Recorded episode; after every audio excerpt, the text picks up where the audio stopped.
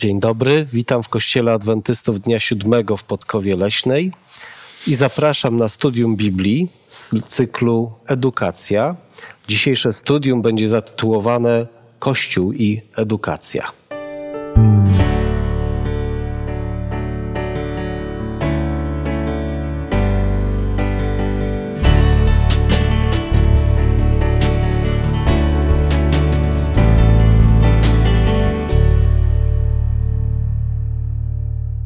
Ja mam na imię Remigiusz, a razem ze mną dzisiaj są Zbigniew i Łukasz. Zacznijmy dzisiejsze studium modlitwą, prosząc Boga o Jego mądrość i Jego prowadzenie. Nasz dobry Ojcze, przychodzimy przed Twoje oblicze, prosząc Cię o Twoje błogosławieństwo, Twoją obecność, nie tylko tu dla nas, ale dla wszystkich uczestników, którzy przyłączają się do naszego wspólnego studium. Pobłogosław to, a o to prosimy w imieniu Pana Jezusa Chrystusa. Amen. Amen. Siedzimy tutaj we wnętrzach kościoła, chociaż wyglądają jak i widzą Państwo te wnętrza jako studio telewizyjne, ale tak naprawdę przed nami są rzędy krzeseł, jesteśmy w pomieszczeniach kościelnych. Powiedzcie mi, po co przychodzicie do kościoła? Kiedyś mój znajomy zapytał mnie, po co jest kościół w ogóle? Po co ludzie przychodzą do kościoła? Po co wy przychodzicie do kościoła? Że powodów może być kilka. Mhm.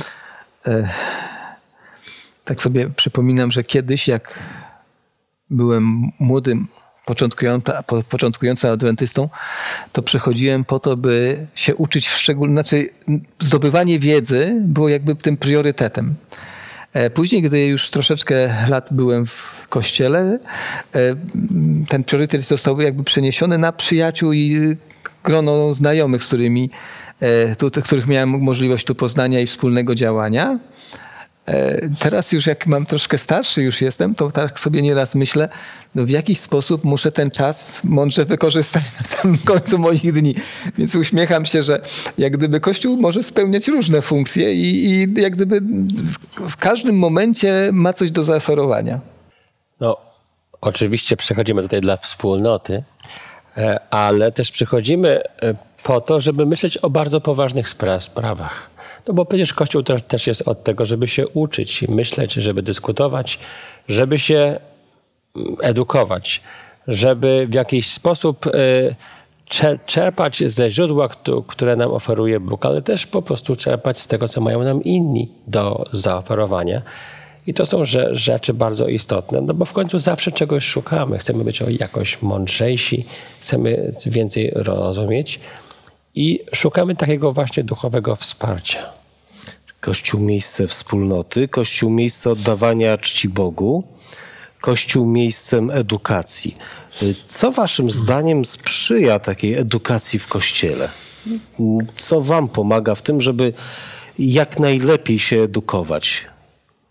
Uczymy się przez całe życie, ale jest klimat, który pomaga w edukacji, jest klimat, który nie jest odpowiedni dla edukacji. Co Waszym zdaniem jest potrzebne? Co tworzy taki klimat do dobrej edukacji chrześcijańskiej?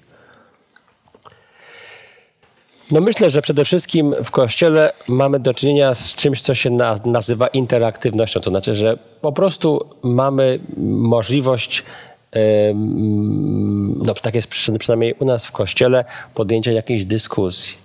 Czyli e, jest, e, możemy zadawać pytania. Czasami te pytania są bardzo potrzebne, nawet te najprostsze, tak? I szukać też odpowiedzi na, na te py, pytania. Możemy w jakiś sposób szukać no, innych rzeczy, które są nam w kościele da, da, dawane. Czy to jest jakieś wspólne studium, czy to jest e, nauczanie ze Słowa Bożego, ka, kazanie. To wszystko jest jakby nam dane po to, żebyśmy mogli skupić się w odpowiednim momencie na, na różnych e, aspektach e, właśnie edukacji. Przypominam sobie, jak na początku niezwykle dla mnie interesujące były kazania i inspirujące. Dlaczego? Dlatego mówię, że to, ten, ten początkowy okres jest niezwykle ciekawy, dlatego że miałem nieraz, miałem już wybranych mówców pastorów, którzy, czy, czy, bo akurat do mnie trafiali, przemawiali. E, wtedy to było dla mnie szczególnie ważne. To był okres, tak ja mówię, ten początkowy, który jest jak gdyby, jestem gąbką i pochłaniam, I, ale wtedy też lubiałem słuchać takich właśnie y, mówców, którzy mieli ciekawe kazania, w których ja się byłem troszkę jakby kształtowany i chciałem być przez nich jakby kształtowany. I myślę, że w pewnym wieku, jak jest człowiek młody, to nawet szuka takich wzorców.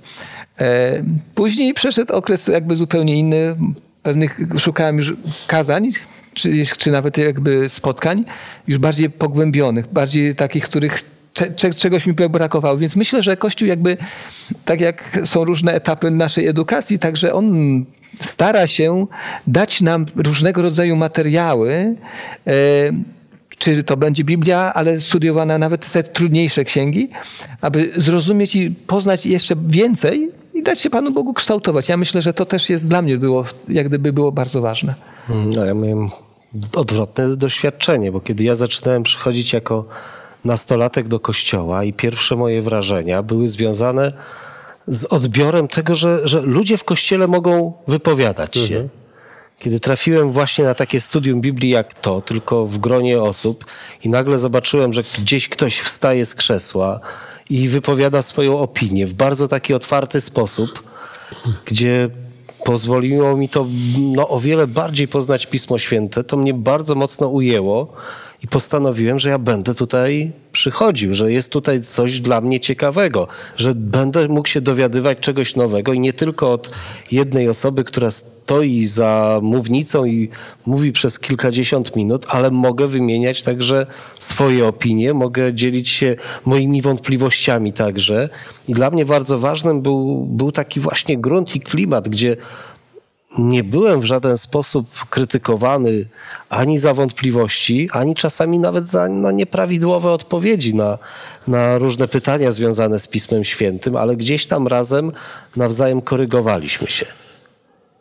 To dzisiaj też będziemy mogli spojrzeć troszeczkę na tę edukację w taki praktyczny sposób, sięgając do różnych wypowiedzi, przede wszystkim wypowiedzi Pana Jezusa i szukając tego, czego się możemy praktycznie nauczyć, albo co może być wskazówką dla edukującego Kościoła.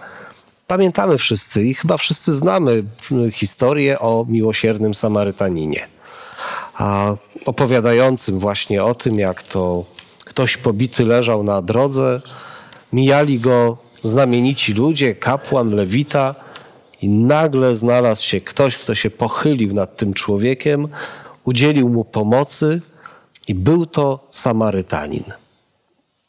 W jaki sposób ta historia, znana od dzieciństwa wielu ludziom, może nas dzisiaj edukować?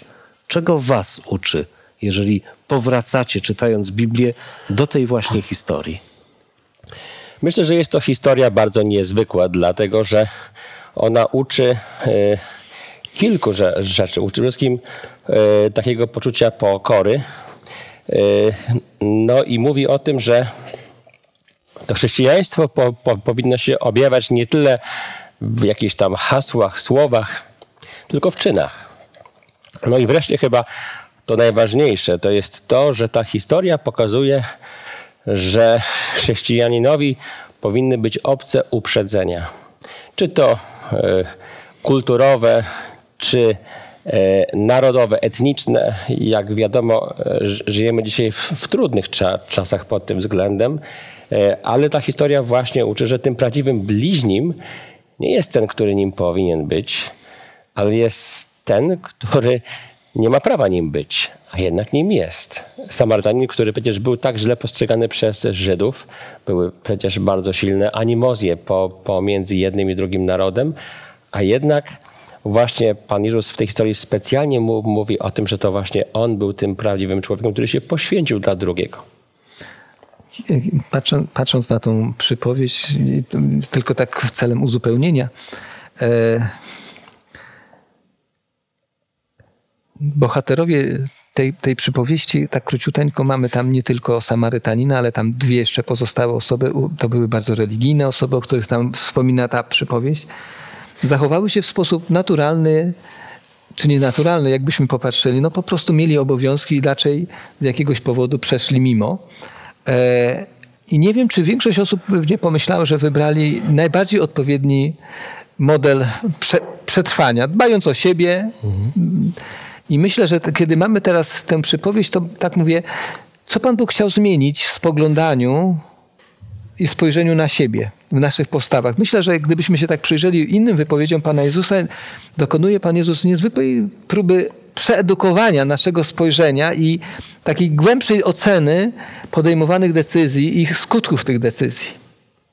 E, I ja już nie chcę w tej chwili wnikać, jakbyśmy, jakbyśmy nie zatrzymywali się nad tym przypowieścią, tylko że patrząc na wypowiedzi Pana Jezusa, Pan już próbuje nam prze, przeedukować nasze w ogóle spojrzenie, z którym wchodzimy w życie, z, z naszych rodzin, z naszych domów i mówi, potrzebujemy zmiany. I ten przykład, który jest bardzo taki wyraźny i piękny, jest jedną z prób pokazania, słuchajcie, spróbujcie czegoś innego. Zobaczcie, przyjrzyjcie i dokonuje to tam, tak dosyć wstrząsająco jest to pokazane, ale wydaje mi się, że to był ten sposób edukacji Pana Jezusa. Zmienić człowieka, jego sposób patrzenia i, i postępowania. Mhm. Na pewno, na pewno postawa chrześcijanina może i powinna być takim wyzwaniem w podzielonym świecie kiedy zawsze się znajduje jakiegoś wroga, zawsze znajduje się kogoś, kto należy do grupy społecznej, która jest dyskredytowana, poniżana.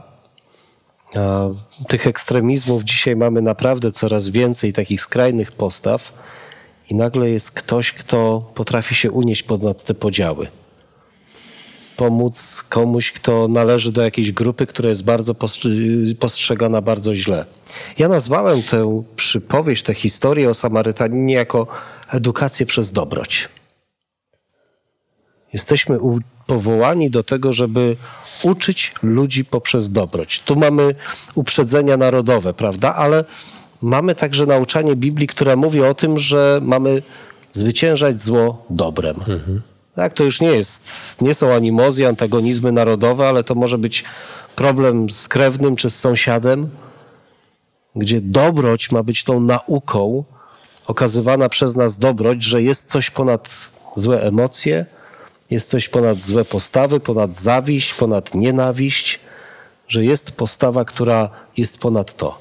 Ale mamy taki drugi wzorzec też, podany przez Pana Jezusa, naszego miejsca jako chrześcijan w edukacji świata zewnętrznego. Przeczytajmy Ewangelię Mateusza, piąty rozdział od 14 do 16 wiersza. Wy jesteście światłością świata. Nie może się ukryć miasto położone na górze. Nie zapalają też świecy i nie stawiają jej pod korcem, lecz na świeczniku i świeci wszystkim, którzy są w domu. Tak niechaj świeci wa wasza światłość przed ludźmi, aby widzieli wasze do, dobre uczynki i chwalili Ojca waszego, który jest w niebie. Mhm. W kościele, w którym jesteśmy, jest taki piękny napis nawiązujący do tych słów. Jesteś światłością świata.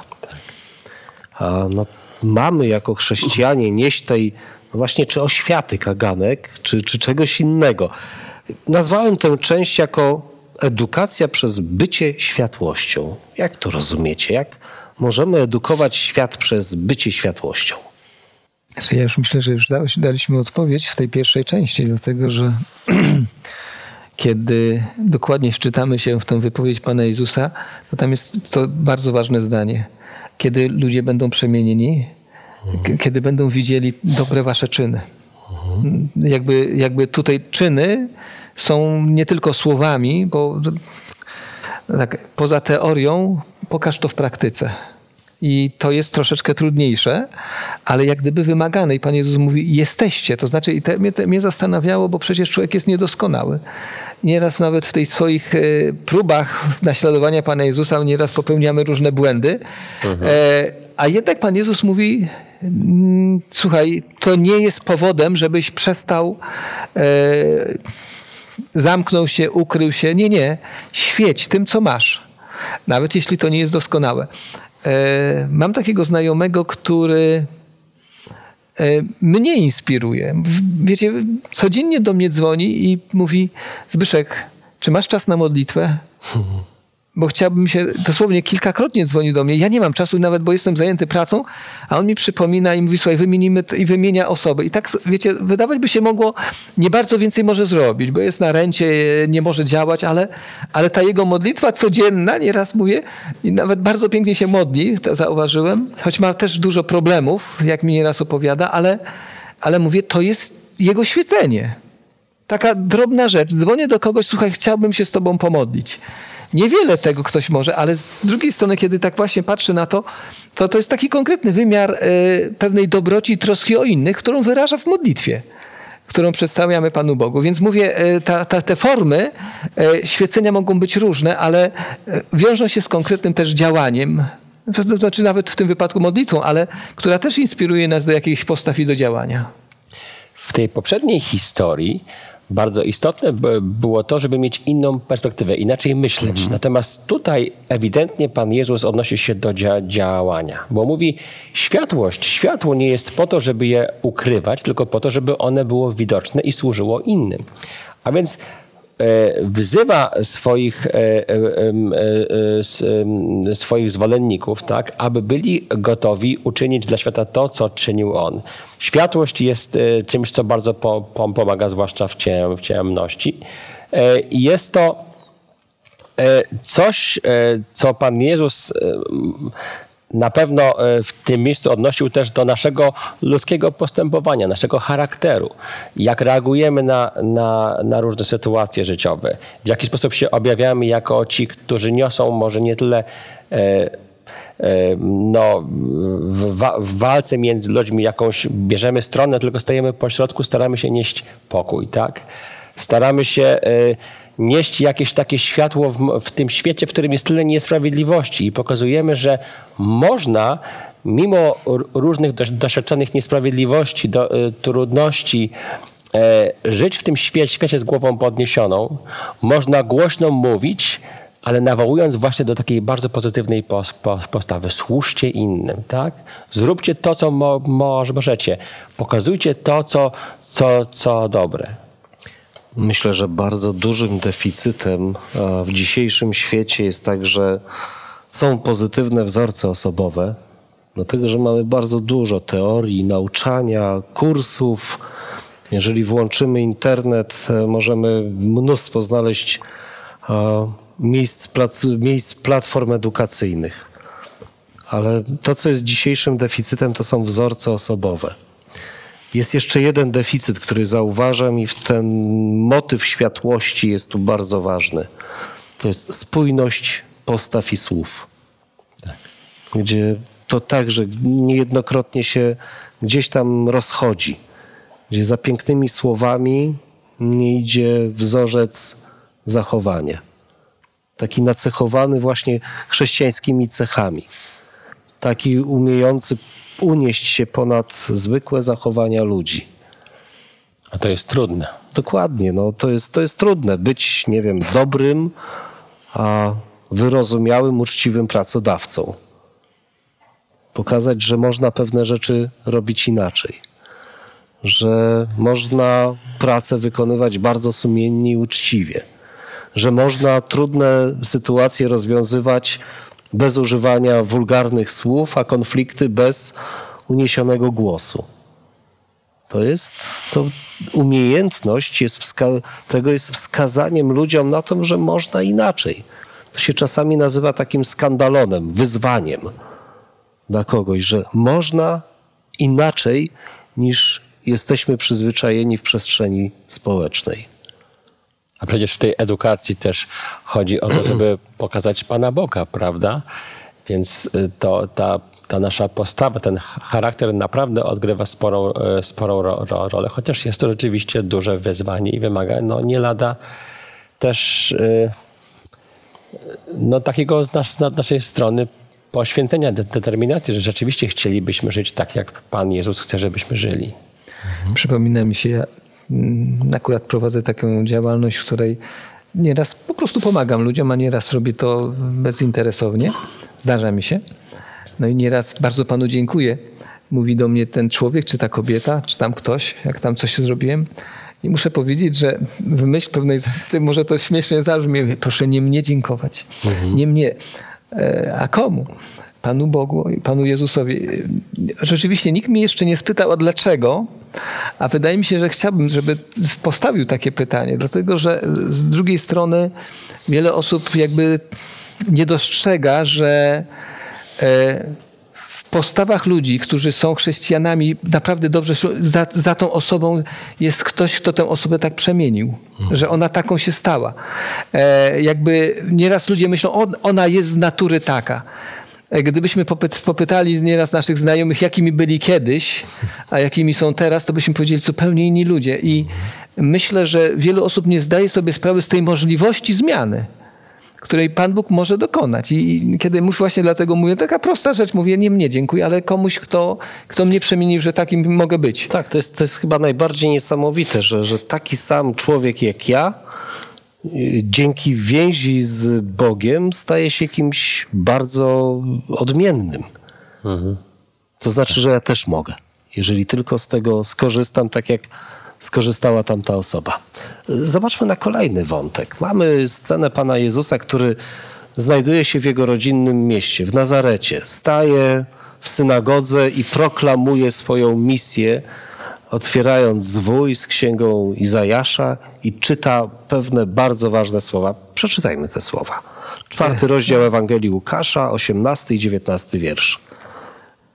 Duch Pański nade mną przeto namaścił mnie, abym zwiastował ubogim dobrą nowinę. Posłał mnie, abym ogłosił jeńcom wyzwolenie, a ślepym przejrzenie, abym uciśnionych wypuścił na wolność, abym zwiastował miłościwy rok Pana.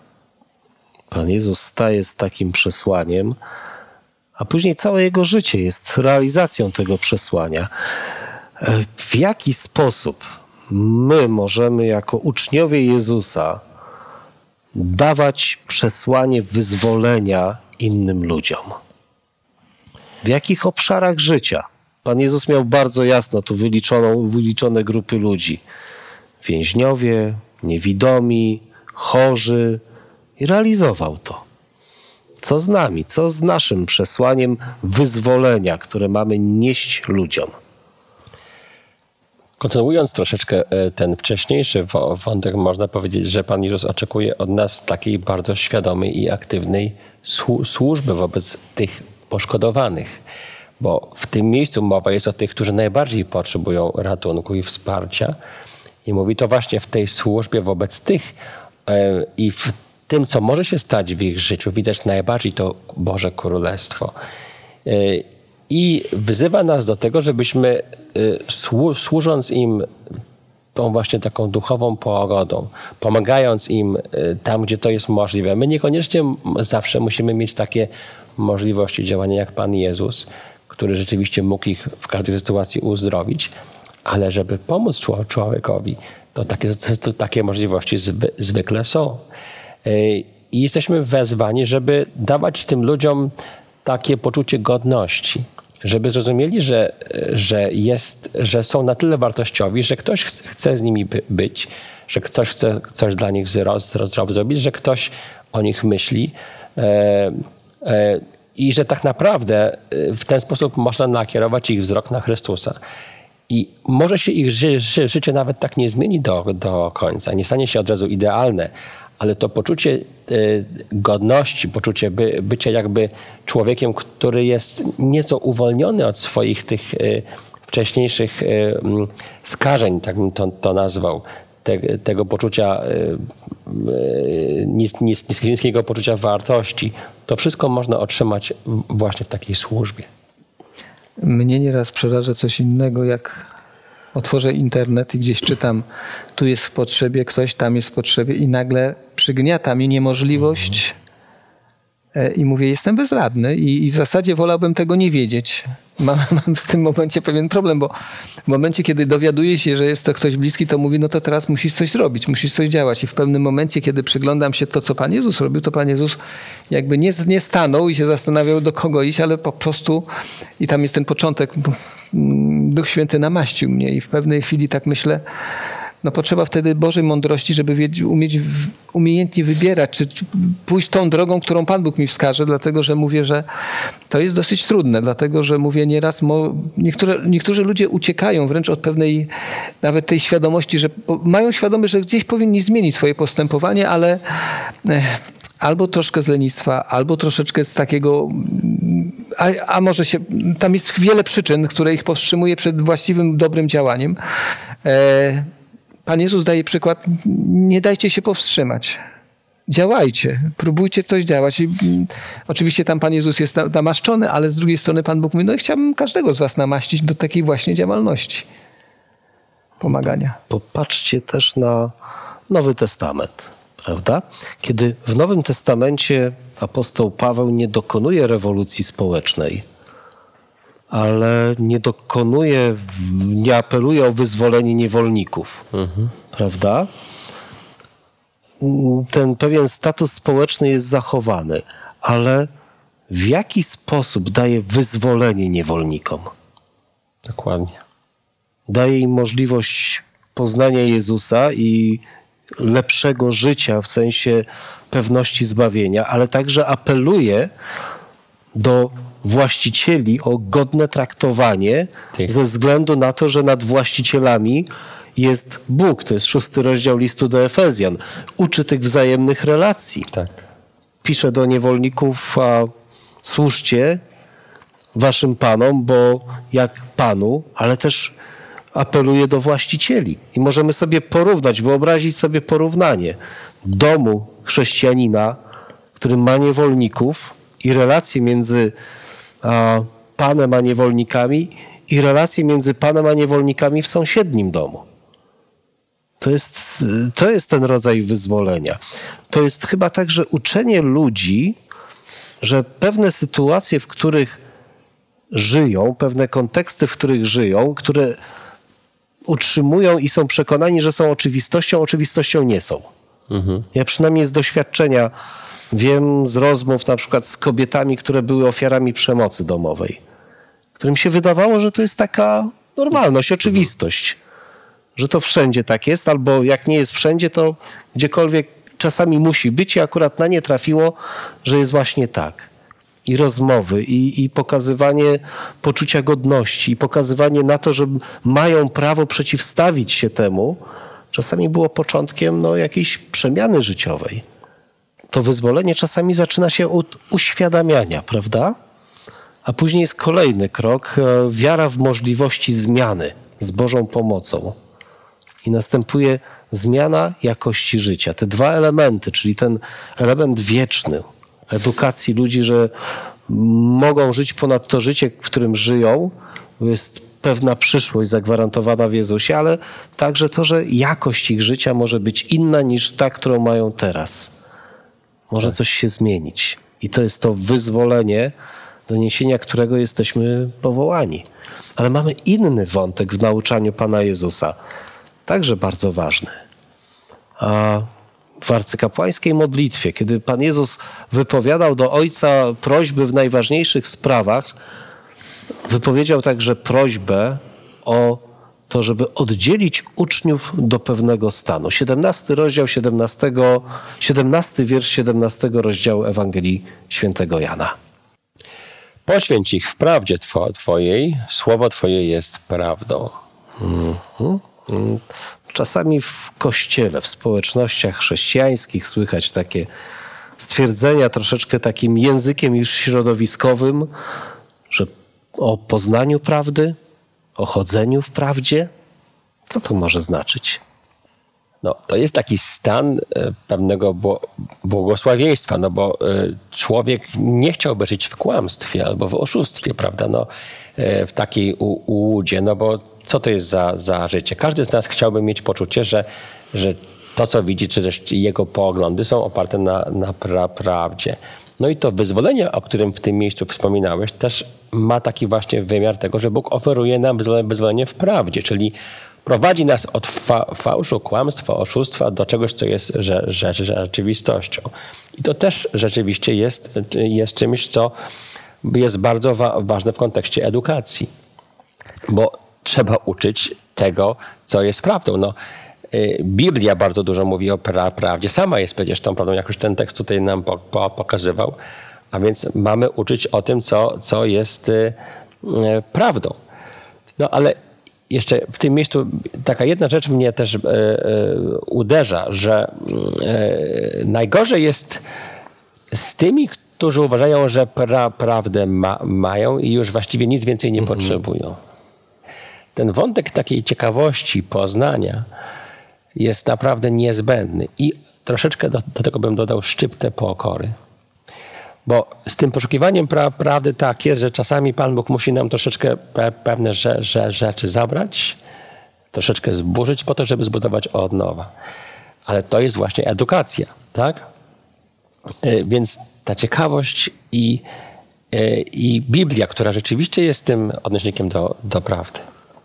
Z praktycznego punktu widzenia patrzę, kiedy spotykam się z ludźmi, którzy mają bardzo nie, nie powiem ograniczony, ale e, zasób potrzeb jest ich jakby znikomy i mimo, że próbuję im przekazać pewne treści, które są związane z wiecznością, bardzo rzadko e, znajduję jakiekolwiek pytanie dotyczące właśnie tej wieczności i mówię, jak to jest, Panie Boże, że jedna osoba w pewnym momencie zainteresuje się i poszukuje i stawia pytania i szuka, drugą próbujemy tam na różne i, i, tak mówię, jak to jest? Co porusza tych ludzi? Co może zmienić? I przypomina mi się takie autentyczne wydarzenie. Młoda dziewczyna straciła swego partnera i w pewnym momencie, w pewnym momencie opowiada, że kiedyś przyszedł do niej i go widzi siedzącego i mówi, uwierzyłam, Pan Bóg jest, jest życie wieczne. No dobrze, mówię, no to mam jakiś haczyk. Może coś się zainteresuje.